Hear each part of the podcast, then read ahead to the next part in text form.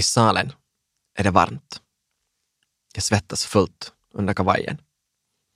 Jag känner förväntningarna som ligger tunga i stolarna. Längst fram sitter bibelskolans elever. Lotta blundar med händerna i knät. Olli söker min blick. Jag tittar bort. Jag är en Judas. Men till skillnad från honom vet jag att jag kommer att svika. Svika de andra för att rädda mig själv. Jag heter Patrik Tiainen och jag ska sommarprata om vägen till både himmelen och helvetet. Jag sitter i bilen på väg på läger. Året är 2008 och jag är 14 år. Jag är 14 år och tänker att det skulle vara bättre om jag skulle vara död. Jag är mobbad och jag mobbar mig själv. Jag känner mig som en pusselbit som hör till ett alldeles annat pussel. Hemma är det kaos, men på konfirmationslägret är det ordning.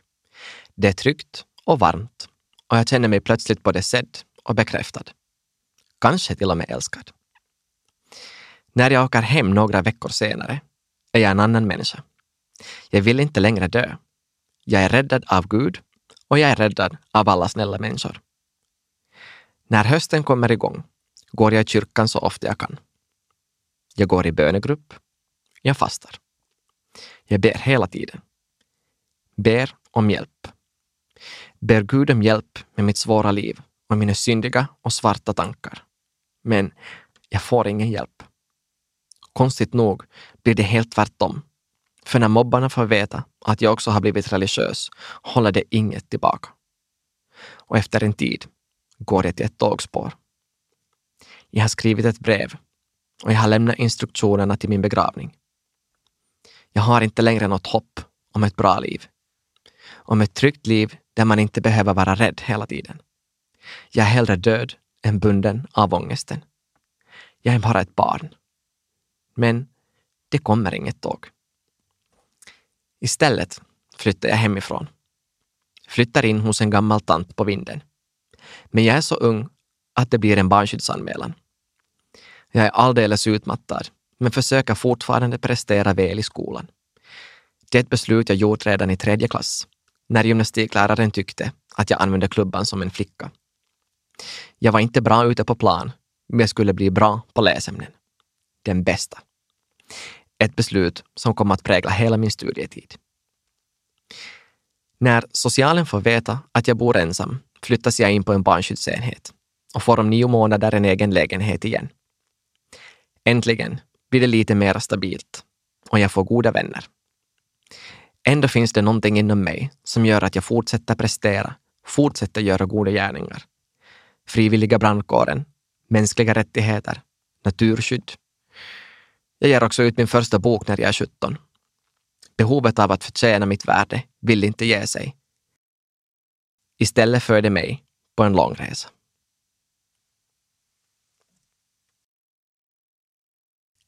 Jag kommer ihåg stunden när jag landade i Nairobi. Jag hade gråtit hela vägen, för jag hade lämnat alla de vänner som jag äntligen hade fått bakom mig. Och framför mig fanns bara ovisshet och ensamhet. Igen. Året är 2013 och jag hade kommit in på psykologi vid Åbo Akademi vid det första försöket. Men jag måste göra det här först. Kenyanerna såg mig som Guds svar på deras böner. Finland hade kommit in i deras liv genom ekonomiskt stöd och nu var det deras tur att välsigna Finland. De skulle utrusta mig med ordet och elden och skicka mig till Finland för att plantera en församling under deras paraply. De hade upplevt i bön att detta skulle hända och de såg mig som svaret. Och visst vill jag ge min del så att Guds plan för Finland kunde uppfyllas. Det blev intensiva studier och en hel del väckelsemöten redan i Kenya. Nu handlade inte det mer om mig, nu handlade det om Finland. Jag själv skulle dö bort. Det kändes bra, för det fanns inte mycket i mig som jag ville hålla kvar. Den karismatiska trosrörelsen jag fann i Kenya hade gett mig så mycket och nu var det dags att ge tillbaka.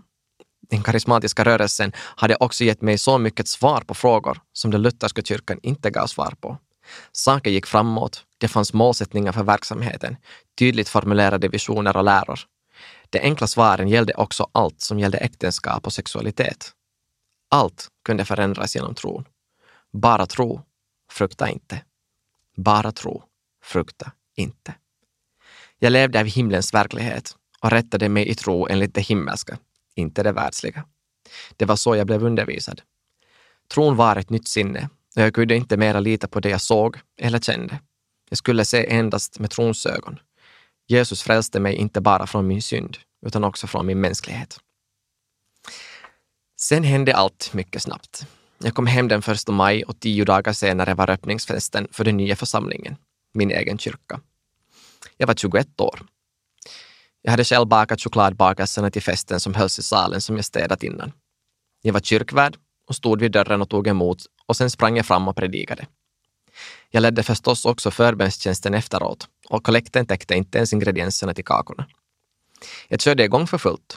Bönemöten varje måndag, morgon och kväll. Bibelstudium på torsdag, först på finska och sen på svenska. Jag hade tänkt att jag på hösten skulle åka till Åbo för att inleda studierna som jag skjutit upp. Men när hösten kom var församlingsarbetet i full fart. Vi hade fem team som jag ledde och vi var tvungna att söka efter nya lokaler eftersom det blev för trångt. Människor kom till tro och döptes. Vi hade bibelskola för barn och hemmamöten på flera olika håll. Sen började intresset vakna inom de frikyrkliga kretsarna och jag blev inbjuden till möten och konferenser. Media blev intresserade och började skriva om oss och våra möten. Två år senare var jag anställd med riktig lön och förman för en handfull andra som jobbade i församlingen. Vi hade skola i Kenya, missionärer i Spanien, en till församlingsplantering i Finland och cellgrupper runt om i landet. Det kom mycket människor. Det kom också mycket kvinnor. Det var inte helt okomplicerat. Mina rådgivare bad mycket över min situation och plötsligt började det regna in profetior. Det är dags att gifta sig, Patrik. Din framtida fru väntar. Tiden är inne. Jag ville också tro det. Av hela mitt hjärta ville jag tro att jag skulle klara det. Med Guds hjälp skulle det gå. En vacker flicka blev den utvalda. Men det blev inget vanligt sällskapande. Förväntningarna var höga. Vi skulle föregå med gott exempel och vi var aldrig på två före bröllopet. Jag gifte mig med någon jag inte kände på djupet. Men ännu värre var att jag inte kände mig själv.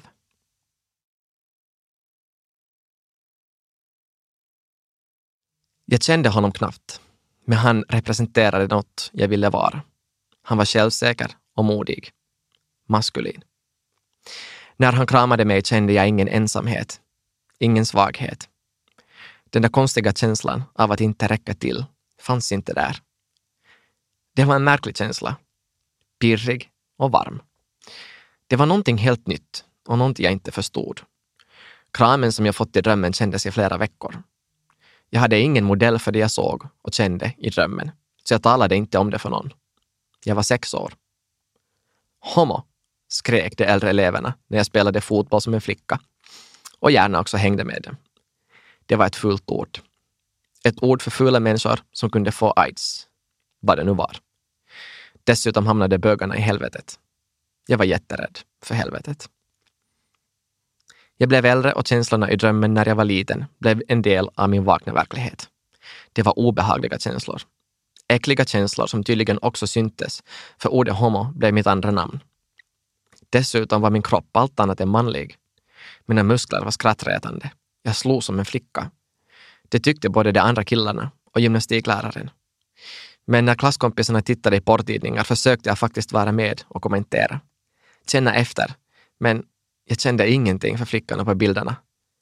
Tänk vad äckligt att tycka om en pojke, skrattade killarna. Och jag skrattade med.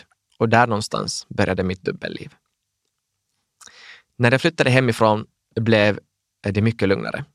När jag fick min stödlägenhet efter en tid på barnskyddsenheten eh, fick jag för första gången tid och ork att börja fundera på mig själv och mina förbjudna känslor.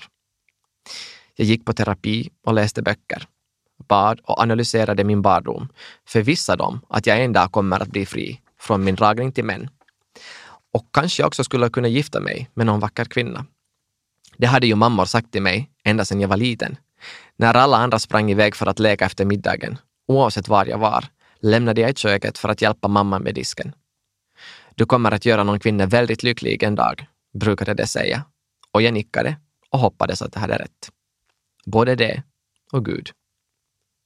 Jag hade rätt. Jag hittade en vacker kvinna och gifte mig. Men varför gifter man sig om man inte är säker på att man är heterosexuell? Den verklighet där jag levde var den helt tudelad. Där fanns offentliga Patrik och sen fanns privata Patrik. Det jag fortfarande jobbade med. Det var två skilda världar och när det kom för nära varann blev ångesten övermäktig. Jag klarade inte mer av att möta den sanning mina känslor förmedlade. Nej, känslorna var inte min herre. Jag ville ju klara av det jag tänkte att Gud förväntade sig av mig. Att en man och kvinna ska bli ett. Eftersom detta tydligen var det Gud ville, så skulle han säkert också ge mig den kraft jag behövde. Han skulle ge mig kärlek så att jag kunde älska. Och jag älskade min fru. Eller åtminstone trodde jag att det jag kände var kärlek och den helt annorlunda och mycket starkare känslan jag hade för män, det var bara djävulens frestelse. Jag började må verkligt dåligt. Jag klarade inte av att vara en äkta man hemma. Jag kände att jag inte hade något att ge. Jag flydde in i jobbet och lovade predika allt oftare. Nu var jag uppe i sex gånger i veckan. Vi öppnade en bibelskola med tre linjer och sammanlagt hade vi kring 180 elever som bäst.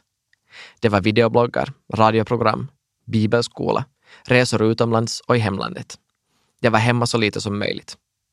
Samtidigt blev kraven större från församlingen jag besökte. Av någon anledning finns det ett oerhört starkt behov av att få en stark andlig ledare och jag gav efter. Jag försökte duga åt både pingstvännerna, lutheranerna och de karismatiska församlingarna. Jag försökte också mata de andliga girafferna som bara gick från ställe till ställe och njöt av de bästa bladen utan att själv lyfta ett finger.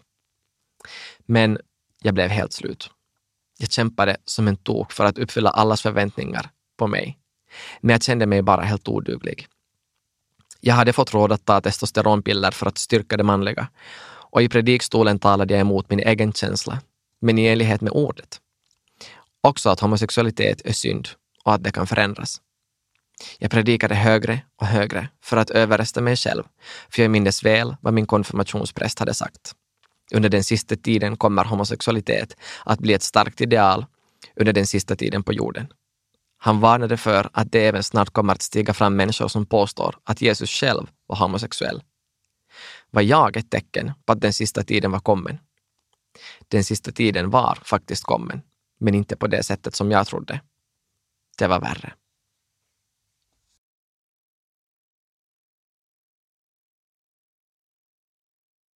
Välkommen tillbaka. Jag heter Patrik Tiainen och jag är din sommarpratare idag. Du är med på en resa som slutar i en krasch. Men låt mig först ta dig till en av vändpunkterna. Vändpunkten hade jeans och tröja när han steg in i församlingssalen.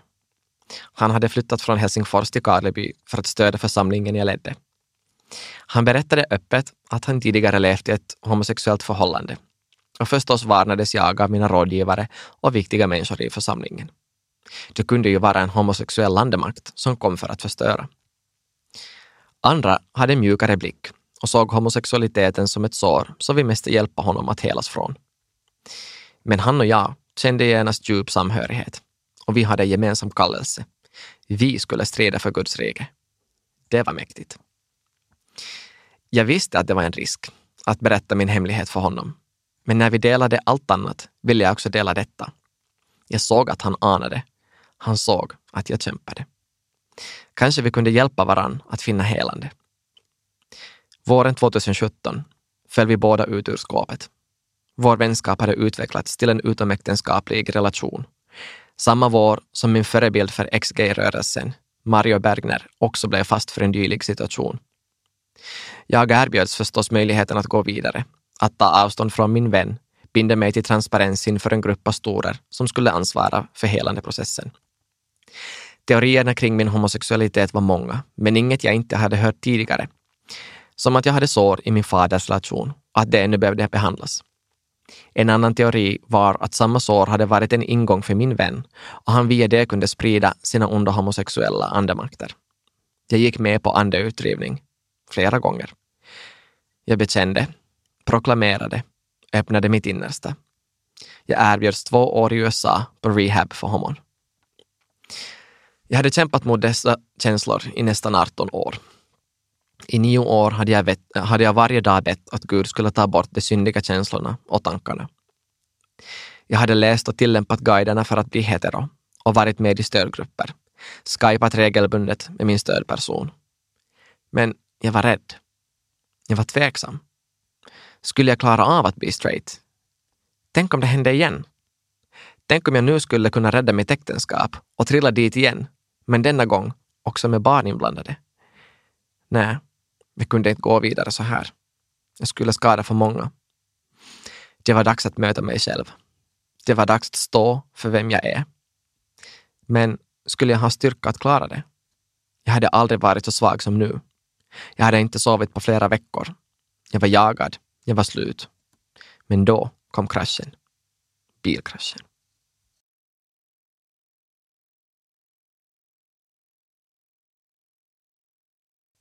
Jag visste inte riktigt var jag var.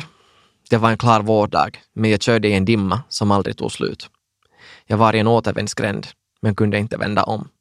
Jag hade gått i lås. Plötsligt började det välla in rök i bilen och jag visste att jag borde ta mig ut.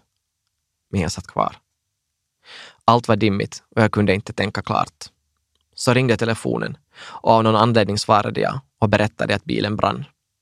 Det är det sista jag kommer ihåg innan bilen åker i diget och jag i sista stund räddas och förs till intensiven. Än en gång räddades jag till ett liv jag inte hade kraft att leva. Jag var i tidningen, på radio och på TV. Soldier down. Rubrikerna var rafflande. Den karismatiska ledaren hade inte levt det liv han predikade, utan fört ett dubbelliv. En utomäktenskaplig relation med en man hade krossat äktenskapet och tjänsten. Den dramatiska olyckan hade satt igång en kedjereaktion och nu hade allt läckt ut. Jag läste rubrikerna på en psykiatrisk avdelning. Jag var mörbultad, förvirrad och sjuk i både kropp och själ. Det jag hade byggt upp låg nu i spillror och av mig själv fanns det inte heller mycket kvar. Jag hade orsakat mycket smärta och hade inga förutsättningar att lindra den.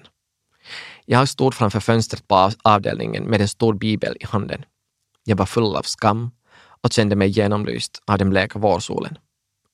Hade jag ens rätt att läsa Guds ord mera? Kunde jag gå vidare med Gud och skulle Gud gå vidare med mig?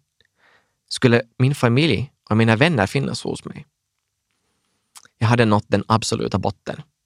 För kroppen, för själen, för anden. Lägre ner gick det inte att falla. Men det gick det. Jag låg i sjukhussängen när det knackade på dörren. Det var min mamma. Men hon var inte ensam. Hon hade två stödpersoner från församlingen med sig för att skydda henne från de starka homosexuella andemakterna. Jag visste inte om mamma trodde så, men där var hon. Men nu dog jag. Jag dog inuti, för min mamma hade varit min enda trygga punkt i hela min barndom. Den människa jag hade litat på mest vågade inte träffa mig ensam. Det blev för mycket. Min mamma, den person som funnits närmast mig, vågade inte träffa mig ensam. Jag förstod att hon var chockad, men jag var hennes barn. Jag kommer inte ihåg knappt någonting av det samtalet, men jag kommer ihåg slutet. Mamma sa att hon vill få Patrik tillbaka. Någonting jag hörde alla upprepa hela tiden. Jag visste inte vad jag skulle säga. Tiden var ute för besök och sjukskötaren visade gästerna till dörren. På väg ut stannade den ena församlingsmedlemmen, böjde sig ner och viskade i mitt öra. Om du fortsätter längs den väg du valt lever du inte länge och det är helvetet som väntar dig. Dörren stängdes bakom dem och jag föll ihop. Den absoluta botten öppnade sig under mig och där fanns en avgrund av smärta, ångest och sorg. Min Gud, har du faktiskt övergivit mig?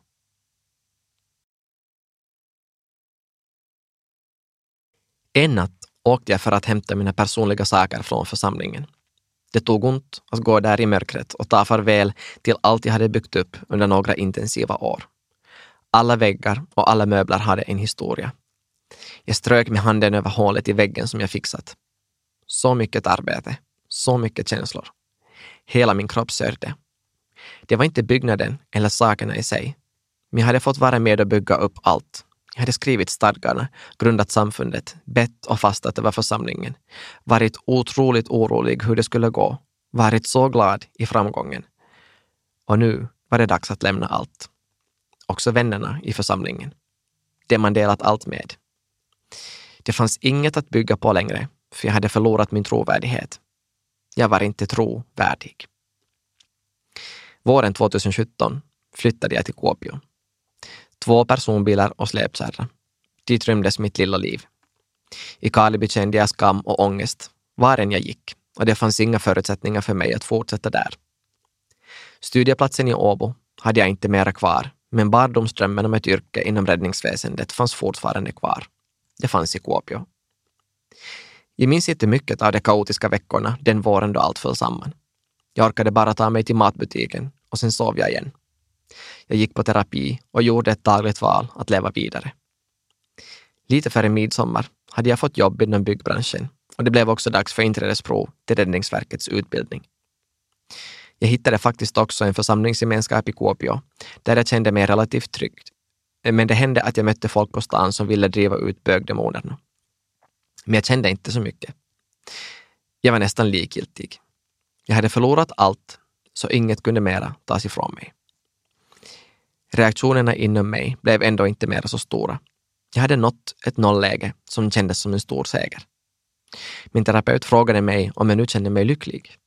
Lycklig? Vad är det? Jag hade lärt mig att definiera allt genom Guds ord. Lycklig är den som litar på Herren. Men att döma av allt som hade hänt hade jag inte litat på Herren, inte trott tillräckligt. Kunde jag då någonsin mera vara lycklig? Kunde jag någonsin bli förlåten av alla fina människor som jag svikit? Det var mycket att behandla. Många förluster av fru och församling och vänner. Identitetskris, teologisk kris och allmän livskris. Jag hade kanske svikit Gud, men han hade inte svikit mig. Han hade ingen kris. Han var nära och han var god, också mot mig. Försoning finns inget vackrare ord. Patrik var inte längre två. I Kuopio blev han småningom en. En mera hel människa. När jag hade sovit bort månader av stress och sömnbrist gick jag ut i sommarstaden. Svalorna flög lågt och kvällen var förvånansvärt varm och fuktig. Jag gick långsamt längs stränderna och sjöarna var spegelblanka och nästan onaturligt blå. För första gången på verkligt länge lade sig också stormen inne i mig.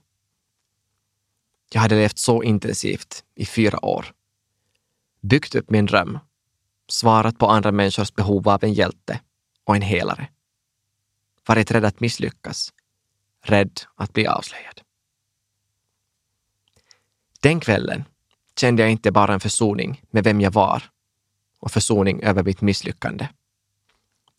Jag fick för första gången på väldigt länge en känsla av att jag kanske ändå inte hade förlorat allt.